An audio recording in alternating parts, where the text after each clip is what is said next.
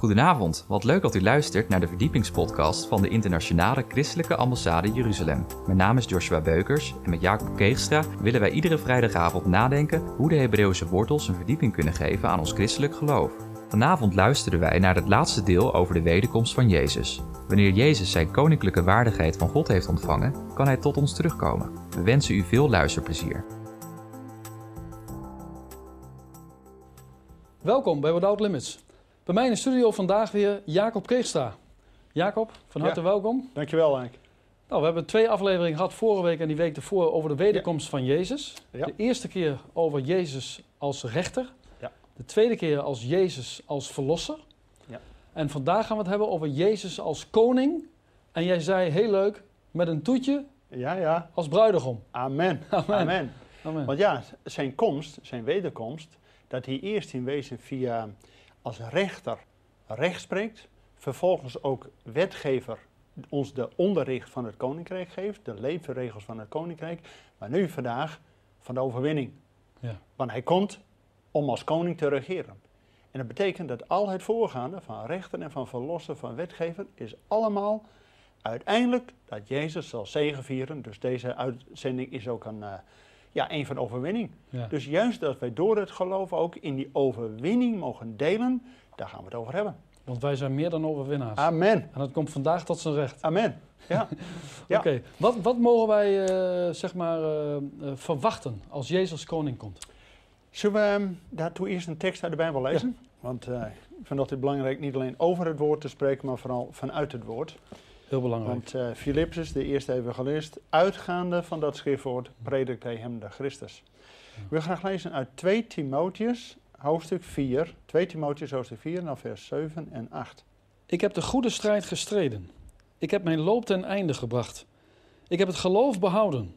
Voorts ligt voor mij gereed de krans der rechtvaardigheid, welke te dien dagen de Heere, de rechtvaardige rechter, mij zal geven. Doch niet alleen mij, maar ook allen die zijn verschijning hebben liefgehad. Amen. Ja, Ja, in wezen, in deze twee teksten staat eigenlijk al de samenvatting van deze drie eh, boodschappen die we over, Gods, eh, over de wederkomst hebben. Maar hier staat heel duidelijk, Jezus is de rechtvaardige rechter. Ja. En we hebben ook die gelijkenis van de onrechtvaardige rechter, die door geld van al het, eh, het recht gingen ombuigen. Maar Jezus is de rechtvaardige rechter.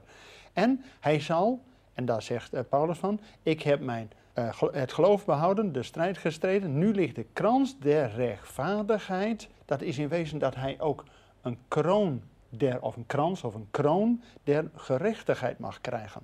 En dat krijgt hij uit handen van Jezus zelf, die de rechtvaardige rechter is. Want die is de grootste autoriteit, die mag ons in wezen ook die kroon van rechtvaardigheid geven. Ja. Nou, dat is natuurlijk geweldig als je aan het eind van je leven hè, bij de Heer komt en dat hij zegt, je hebt het goed gedaan.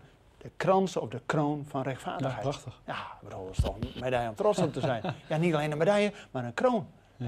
Maar dat betekent dus ook, en daar zullen we het dus ook eh, nu over hebben, dat wij ook mogen leven als koningen. En met die leefregels van het koninkrijk, dat we ook als koningskinderen nu in deze wereld leven.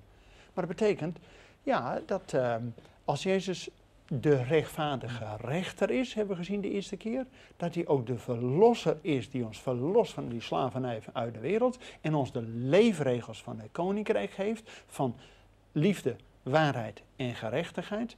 En dat hij uiteindelijk degene is, en daar gaan we het vandaag over hebben, dat hij de, recht, de, de koning is Ja. met, ja, in wezen, dat hij op de troon. Dus dat hij de overwinning er is. Dus deze boodschap is eigenlijk ook een van overwinning. Dat we dus als christenen hoop hebben op de overwinning, want onze overwinnaar komt spoedig. Amen. En hij komt niet om als weer aan dat kruis te hangen, maar hij komt nu om als koning te regeren op de troon van zijn vader David. Dat was al beloofd aan David, dat er één na hem koning zal zijn en van eeuwigheid tot eeuwigheid. Dus Jezus komt om als koning te regeren. En mogen wij met hem regeren? Ja, want, en dat is goed, omdat we ook eh, hetzelfde eh, gedeelte, 2 Timotheus, net een, eh, twee hoofdstukken daarvoor, 2 Timotheus 2, daar staat duidelijk een, een voorwaarde in, vers 11 en 12. Daar staat: Het woord is betrouwbaar. Immers, indien wij met hem gestorven zijn, zullen wij ook met hem leven. En dan vers 12: Indien wij volharden, zullen wij ook met hem als koningen heersen. Ja, hier staat het. Amen. Indien wij hem zullen verloochenen, zal ook hij ons verloochenen. Ja, dus ook een duidelijke boodschap. Ja, heel duidelijk. Teken in wezen in vers 11 stal- staat al, het woord is betrouwbaar. Daarom willen we ook vanuit Gods woord dit verkondigen. En er staat in wezen de eerste keer dat Jezus kwam om te sterven aan het kruis. En als wij, en Romeinen 6 zegt ook, dat we met hem gestorven zijn. En Galaten 2 zegt ook dat we met hem gekruisigd zijn. Zodat wij niet meer leven, maar dat Jezus in ons leeft. De Ja. opgestane Heer. Dus dat was de eerste keer dat Jezus kwam. En nu in vers 12 staat, indien wij volharden, zullen we ook met hem als koningen heersen. Ja. Met andere woorden, geloof dat we verlost zijn van onze zonden is één, maar we moeten het volhouden in het leven dat we uitzien naar de grote dag dat onze heiland komt. Want de vorige keer hebben we die tekst uit Hebreeën 9. Voor allen die hem tot hun heil verwachten. Ja. En als het moeilijk wordt in de wereld, dan wordt het duidelijk, heeft uw hoofden op, want uw verlosser en uw verlossing is nabij. Betekent dat we niet moeten vastzitten aan dit leven. Want dat we ook onze verlossing zelfs van ons lichaam mogen ervaren bij de wederkomst van Jezus. En eh, volharden, hè? dat Ja. is toch wel een, een pittig woord. Ja, Hè? Volharden, want, want er komt nog een, een, een, zware tijd. Ja. Je ziet nu Ja. ook in de wereld dat de tijden steeds moeilijker worden. Ja, kijk, we kennen allemaal die ehm, gelijkenis van de vijf wijzen en de vijf dwaze maagden. Ja. En op, op een gegeven moment dacht ik ineens van, en schiet in- ineens het woord van, van God weer nieuw naar je binnen. Van alle tien sliepen in. Ja. Dus allen waren eh, goed of slecht, ze sliepen allemaal in. Dus ook de goeie, de gelovigen die de Heer verwachten, die sliepen in. Ja. Daarom is het ook zo goed om deze uitzending dat we weer een wake-up call hebben, juist ook voor de christen, dat we wakker worden, dat de Heer spoedig weer komt, dat we elkaar aanmoedigen, kom, ga met ons, want de Heer is nabij. En zeker nu de dag ten avond is en de wederkomst dichter nabij is als 2000 jaar geleden, moeten we elkaar nog meer bespoedigen en aanmoedigen van waak op, want onze Heer komt spoedig. Daarom is ook altijd de, de, de tekenen van de tijd, die moeten we herkennen. Ja. Eh, kijk, in Israël had je die ene stam, eh Issachar, een zeer onbekende stam. We kennen natuurlijk de stam van Levi, hè, van, de, van de priesters, Juda van de koningen. Maar Issachar, daar staat heel expliciet van in 1 Kronieken 12. Issachar kende de tijden, zodat ze wisten wat Israël moest doen. Zo moeten wij ook als gelovigen de tekenen kennen dat de Heer spoedig nabij is. Daarom daarvoor moeten we ook het woord kennen. ja, daarom begonnen we. Het woord is betrouwbaar. Daarom, en eh, Jezus zegt ook, let op de tekenen, want er zal in de wereld steeds meer rampspoed en crisis en de ene crisis naar de andere. Dat we ons geloof niet op onze zekerheden hebben, maar op het geloof dat ons de zekerheid geeft. En uiteindelijk onze verwachting niet van deze aarde hebben, maar van Hem die komt in heerlijkheid. En om zijn rijk vanuit de hemel ook op deze aarde te vestigen van vrede, gerechtigheid en heelheid van deze schepping. En die eh, tekenende tijden, die laten ook zien dat de Bijbel de waarheid is. Ja. Hè, want het is allemaal geprofeteerd. 100% van de profetieën in de Bijbel, daar is 80% al van vervuld bij de eerste komst van Jezus. Ja. Want zeer nauwkeurig is al voorzegd, geprofeteerd, dat om zijn klederen zal gedobbeld worden. Ja. Na drie dagen zal hij weer opstaan uit het graf. Al die profetieën, hij zal in Bethlehem geboren worden, hij zal, eh, noem al die dingen maar op. Die zijn, 80% van de Bijbel is al vervuld bij de eerste komst. En die laatste 20% heeft alles te maken met de wederkomst. En wat er vlak voor is, het herstel van Israël. Want dat zijn de geboorteweeën van het koninkrijk van God. Want dat wij samen met Israël uitzien naar die grote dag. Want Jezus komt om te regeren op de troon van zijn vader David. En hij ging met hemelvaart naar de hemel. En wat staat er dan in Handelingen 3? Daar staat de hemel moest hem opnemen tot de tijd der wederoprichting aller dingen. Nou, dat heeft alles te maken met dat Israël, het volk van God, weer terug is in het land. En dat die troon van David hersteld zal gaan worden. Want de rechtmatige troonopvolger, die moet op die troon gaan zitten. Ja. Nou, dan zal het voorbereid moeten worden, op een of andere manier. Dus ook Israël zal tot geloof moeten komen en dat ze hem verwelkomen in wezen, door het wachtwoord, gezegend hij die komt in de naam des Heeren. De eerste keer kwam Jezus incognito, ze hebben hem niet herkend. Dat was het plan van God, omdat hij nog aan het kruis moest sterven. Maar de tweede keer zal hij voor iedereen zichtbaar komen om te gaan zitten op de troon van zijn vader David. Dus hij komt voor herstel van Israël. Daarom moet ook Israël terug naar dat land, want ze moeten, ja, anders heeft Jezus ook niks om op te regeren. Hij zal ten eerste Messias van Israël zijn op de troon van zijn vader David. En hij zal ook de volkeren leiden. Dus wij, wij als gelovigen mogen met hem regeren. We hebben die tekst uit 2 Timotheus 2 gelezen. Indien wij volharden, zullen wij ook met hem mogen regeren. Ja. En in openbaring, er staat openbaring 3 vers 21, wie overwint, ja. hem zal ik geven dat hij de kroon van gerechtigheid Hetzelfde als in 2 Timotheus 4, waar Paulus het over had. Maar ook in uh, Openbaring 5. Die overwint, hij zal met mij zitten op de, op de troon. Ja. Met andere woorden, wij mogen als koningskinderen regeren met Jezus. Maar die is onze ja, hoge priester, maar ook onze grote koning. En onze Heer der Heren, koning der koningen. Maar wij mogen met hem regeren. Maar hoe moet je dat zien, hè? Want, want hoe regeren we dan met hem? Nou, we kennen die gelijkenis van de talenten van de vijf talenten, van de drie talenten en van de ene talent. Nou, die van vijf, die ging ermee aan de gang en die had er nog vijf bij. En wat zegt dan de Heer, die afrekening hield met die slaven? Gij goede en welgetrouwe slaaf, over weinig zijt gij getrouw geweest, over veel zal ik je stellen, ga in tot het feest van de Heer. Maar zo een wordt dus gesteld over tien steden. En iemand die dus drie talenten had en er drie bij verdiend had, wordt, wordt gesteld over drie steden. Ja, dus er is ook in het duizend jaar vrederijk bediening afhankelijk van hoe onze talenten nu tot ontwikkeling zijn gekomen. Maar degene die één talent had en er niks mee deed, ja, ja. ook dat talent wordt onthouden. Want er staat, we hebben gelezen, wanneer wij volharden zullen we met hem regeren. Maar indien we hem verlogenen, dus ook die talenten die hij ons gegeven heeft, gewoon in de grondstoffen, ah, dit is allemaal maar niks ja, dan wordt dat ons ontnomen en verlogen wij de Heer. Dus zullen we bij de wederkomst ook geen medaille krijgen en geen kroon der rechtvaardigheid. Dus het heeft dus alles te maken met hoe wij hier en nu leven. Zo zullen we straks ook met hem mogen regeren. Dit leven is gewoon stage lopen voor de eeuwigheid. Ja. ja, het is gewoon stage lopen voor de eeuwigheid. Daarom is ook bidden en lofprijzing, dat doen we even, maar het is stage lopen voor de eeuwigheid. Want dan zullen we wat langere tijd hebben om hem te loven en te prijzen en te aanbidden. Ja.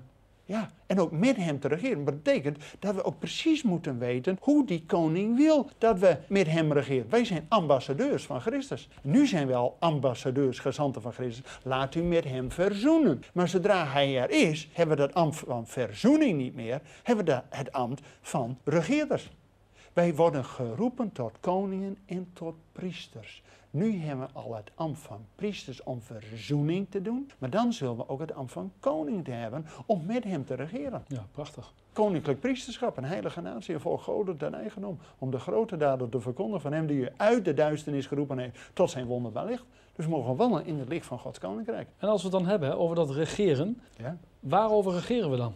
Nou, de hele aarde zal vol zijn van de kennis des Heren.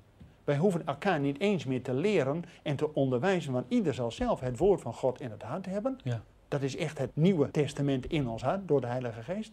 Maar we worden nog steeds, er worden ook steeds eh, kinderen geboren. Er zijn nog steeds gezinnen, er zijn nog steeds families, er zijn nog steeds steden. Ook in het duizendjarig vrederijk. Dus er wordt wel verlangd dat wij als goede rentmeesters, als goede huisvaders, als goede koningen heersen over het gebied wat ons dan wordt toebedeeld. Ja. ja. Maar even voor de duidelijkheid, het duizendjarig vrederijk is nog niet de hemel. Nee. nee. Want het duizendjarig vrederijk zal hier op aarde plaatsvinden. Ja.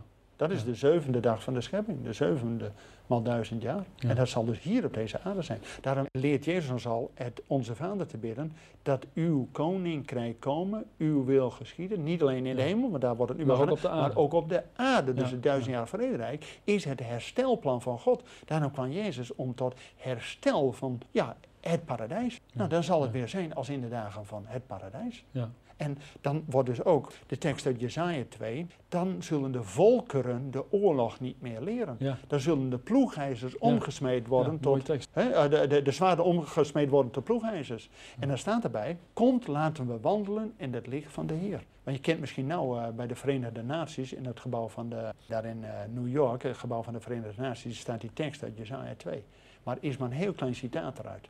Want iedereen wil natuurlijk ook in de Verenigde Naties dat we nu geen oorlog meer eh, elkaar aandoen. Ja. Maar er staat niet de belangrijke tekst die er direct bij staat, kom laten we wandelen in het licht van de Heer. Ja. Maar dat wil de Verenigde Naties niet. Dat dat- wil wandelen in hun eigen licht. Hadden ze dat maar erbij gezet. Had, dat, maar- want dat is Ja. eigenlijk de voorwaarde dat we wandelen in het licht van de Heer. Dan pas zal de vrede en gerechtigheid. Ja. Als we het uit eigen kracht moeten doen, gaan we elkaar toch nog steeds, net als Kain en Abel, kopje kleiner slaan. Ja. Want er zit nog zoveel hoogmoed in ons en trots, dat moet er allemaal uit. Ja, het is, het is nog een louteringsproces, Maar dit daarna, hele leven.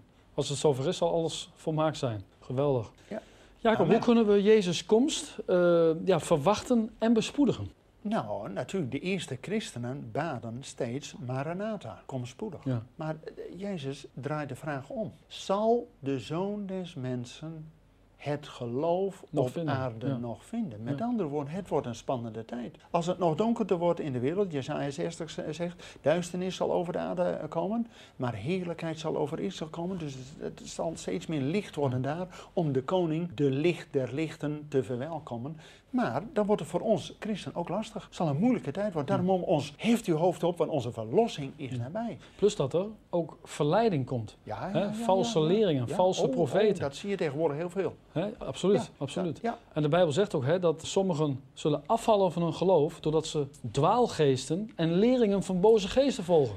Mijn eh, roepingstekst was uit hetzelfde hoofdstuk, 2 Timotheus 4 vers 2. Van met beroep op God en op zijn verschijning in zijn koningschap predik het woord. Gelegen of ongelegen, want er komt een tijd. Ja. Dat mensen zichzelf leraars bij elkaar uh, spraken. Die hebben mooi een beetje, Ja. mooie woorden, het zal allemaal goed zijn. Ja. Dat zag je in het oude Israël van het Oude Testament ook. En dan waren de koningen, hè, moeten we uittrekken te strijden? Oh, er waren allerlei profeten, die hadden wel mooie weerboodschappen. En dat Ja. waren broodprofeten, die werden betaald door de koning. Oh, die hadden wel een mooie profetie. Komt zo'n profeet Micha, de profeet des Heeren, die zegt dat moet je niet doen. Ja, maar ja, een profeet was natuurlijk niet geliefd in zijn eigen Nee. land. Dus, nou, maar dat zie je tegenwoordig ook. Juist als je het woord van God, en dat vond ik zo mooi dat we die tekst luisteren uit Petrus 2 vers 11. Het woord is betrouwbaar. Want als we niet vanuit het woord prediken, ja, dan wordt het gewoon niks. Maar er zijn heel veel die eh, preken over het woord en laten het woord dicht. Denk, ja, nee, je moet het woord open doen. En dan kan vanuit het woord dat we de Christus prediken. Niet alleen zijn eerste komst van redding en verlossing en verzoening, maar uiteindelijk van zijn overwinning. Maar uiteindelijk gaat het over dat Jezus koning is. Want Jezus kwam natuurlijk de eerste keer om over het koninkrijk te spreken. Hij vertelt allemaal gelijkenissen over het koninkrijk is als. Ja. Een mosterdzaadje is als eh, de goede herder, als eh, eh, schat in de aardevaten, als een kostbare parel. Al die gelijkenissen was met het oog om iets duidelijk te maken van het koninkrijk. Want Jezus, het ging om het koninkrijk. Tuurlijk moest hij daarvoor sterven om ons deelgenoten van het koninkrijk te laten worden. Maar nu wij verlost zijn van de zonde, hebben we uitzicht dat we uiteindelijk deelgenoot zijn met Jezus. Dat we met hem mogen regeren op zijn troon. Nou, maar dat betekent dat we dus nu al moeten leven als koningskinderen. Nou, dat we dus niet onder de korenmaat onze standaard moeten zetten, maar op de standaard, zodat we ook als koningskinderen ons licht laten schijnen in deze wereld. En nu al mogen regeren in ons eigen huis, in onze gemeente en als God ons ook een andere bediening heeft geplaatst, als sommigen als burgemeester, sommigen als directeur van een bedrijf, anderen weer op een andere plek. Wij mogen nu al op de plek waar God ons stelt het licht van zijn koninkrijk laten schijnen. Dat betekent dat we daarmee zijn komst bespoedigen. Want de tegenstander van God staat niet stil en zit niet stil. Het is een briesende leeuw, ziende wie hij kan verslinden. Ja. Daarom is hij zo druk bezig, ook in Israël, om iedere keer hem weer van de kaart te vegen. Want als Israël niet weer in het land is, ja, dan kan Jezus niet komen. Ja. Dus daarom zie je ook dat het eh, in het Midden-Oosten allemaal zo'n reboelie is. Want Psalm 2 zegt, waarom woelen de volkeren in zinnen de natie op ijdelheid? Hij die in de hemel troont, die lacht om het gevoel van de volken. Want hij heeft zijn gezalfde, zijn Messias, zijn koning over Sion gesteld. Dus, en dat weet de tegenstander maar al te goed. Dat wanneer Jezus komt, zijn de dagen van de antichrist geteld. Ja. Daarom doet hij nou nog zoveel moeite om ons ervan af te houden. Daarom hebben we die tekst gelezen in 2 Timotheüs 4. Wie volhardt tot het einde, die zal overwinnen. Betekent, ja, we moeten het volhouden. Maar wie met zijn mond beleidt, met zijn hart gelooft, zal behouden worden. Maar werk uw behoudenis uit met vrees en beven. Met andere woorden, het is niet maar even, oh, we zijn één keer gered en hartstikke idee. We moeten het iedere dag nog weer waarmaken. Dagelijks ons kruis opnemen en hem achterna gaan. Maar omdat we de leefregels van het koninkrijk hebben, van liefde, gerechtigheid, van waarheid en vrede, ja, dan mogen we als een licht schijnen nu in deze wereld. En dus mogen wij al als beelddragers van het lam nu onderdeel van het koninkrijk zijn. Ja, prachtig. Ja, eh, geweldig. Ja. Maar het wordt nog één keer veel mooier. ja, want we hadden nog een toetje te goed. Ja, maar we hebben nog een toetje te goed. Kijk, Jezus komt als koning. Maar, en niks maar, gewoon en, Ja. gewoon eraan toegevoegd. Openbaring 19, er staat halleluja. Laten we blijde zijn, hem vreugde bedrijven. Want de lam, he- het lam heeft het koningschap Aanvaard. aanvaard. Dus Ja. hij moest naar de hemel om de autoriteit van de Allerhoogste te ontvangen. Het koningschap uit de handen van God zelf, want dat is de Allerhoogste autoriteit. En dus heeft hij zijn koningschap aanvaard in de hemel. En dan kan hij ook op deze aarde het koninkrijk gaan richten. Omdat hij het koningschap van de Allerhoogste autoriteit gekregen heeft. Mooi. En wij die de krans of de kroon der rechtvaardigheid uit de handen van de rechtvaardige rechter hebben gekregen. Dat we niet onder het oordeel vallen, maar onder behoudenis. En dus de krans van rechtvaardigheid hebben gekregen. En als rechtvaardigen nu al leven. En dus ook rechtvaardige daden doen. Want er staat in die tekst, openbaar 19 vers 7. Halleluja, laten we blijde zijn en feest hebben. Want de, het lam heeft het koningschap aanvaard. En wij mogen daar deel van zijn en in linnen gekleed. En dat zijn de rechtvaardige daden der heiligen. Nou, we worden alleen door het geloof rechtvaardig. Maar als we rechtvaardig zijn, doen we daden van een rechtvaardige. Ja. Dat zijn die rechtvaardige daden. Ja. En daardoor zijn we bekleed met dat winnen, eh, linnen kleed. En dat hadden de priesters ook. En linnen, dat is zo mooi, daar zweet je niet in. Want linnen is een beeld van die priesters. Die deden dienst voor de Heer, maar die zweten er niet in. Het werk voor de Heer is niet vermoeiend, is gewoon feest. Dus, Prachtig. dus die gingen al verzoenend te werk, die priesters. Maar we zullen ook één keer de koninklijke rechtvaardigheid in de krans van gerechtigheid hebben. En dus zullen wij ook als koningen heersen. En daar heel openbaar staat er voor mij, wie overwint mag de kroon hebben. Wie overwint zal met mij op de troon zitten. En wie overwint zal met mij regeren tot in eeuwigheid. Nou, dat is een geweldig uitzicht. Mensen, deze boodschap is een boodschap van hoop. Absoluut. Maar in de wereld is geen hoop. Daarom zegt 1 Petrus 1 vers 13, wij die de hoop hebben op de verschijning en openbaarwording van Jezus Christus. Betekent dat we in wezen als christen veel meer moeten leven vanuit de wederkomst. Vanuit het einde, nu al. Ja. De already not yet, zeggen de Engelsen. Hè? Het einde is er al, ook al zien we het nou nog niet. Daarom verwachten we het met het geloof. Want een geloof is die zekerheid. Het die blijft dat- geloof. Ja, het blijft geloven, maar dat geeft wel een zekerheid van het komt. Ja. Want 80% van de Bijbel is niet meer geloven, is al zeker weten. Ja. Die is de laatste 20%. Ah, Nou, want dat is het ook, hè. Het is, het is, het is geloven, Ja. maar het is voor ons een zeker weten. en zeker weten, het wordt iedere dag rijker. Ja. Ja. En we hadden het over die, die bruidegom, hè? Ja. Want, want hoe zit dat met die bruidegom? En, en, en- want wij zijn dan de bruid, neem ik aan. Ja, ja, ja, ja. En natuurlijk ook die, eh, die vijf eh, wijze maagden, hè? die wel de wake-up call hebben eh, eh, Ja. ontmoet. En die andere vijf die de lampen niet gevuld hebben. Dus betekent, ook al hebben we het even moeilijk en dutten we in door deze boodschap, dat we de wake-up call hebben, dat de bruidegom in aantocht is. Dat die vijf, die de olie wel, de reserveolie van de Heilige Geest wel bij zich hadden en de lamp daar weer mee branden hadden, dus die werden weer aangemoedigd om de koning, de bruidegom, te verwachten. Ja. En die gaan dus ook in tot het feest.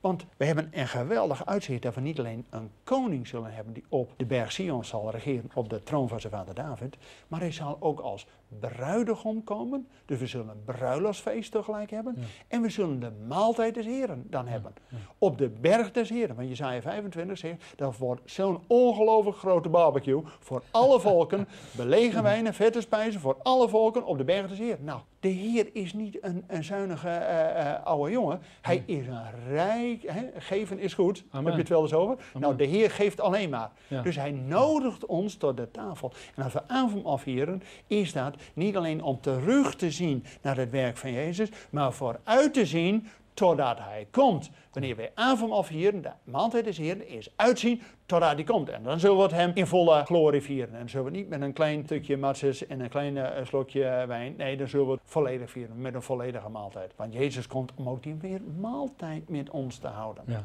En dat betekent dat hij gemeenschap met ons wil hebben. Dat we weer één met hem mogen zijn. Heelheid, dat we weer bij hem aan tafel genodigd zijn. Dan uh, denk ik, ja, hij heeft gewoon krijgsberaad met ons aan de Mhm. tafel. Want hij moet ons ook weer vertellen. En wij moeten weer van hem horen. Wat weer ja, de volgende week uh, uitgevind moet worden ja, over de wereld.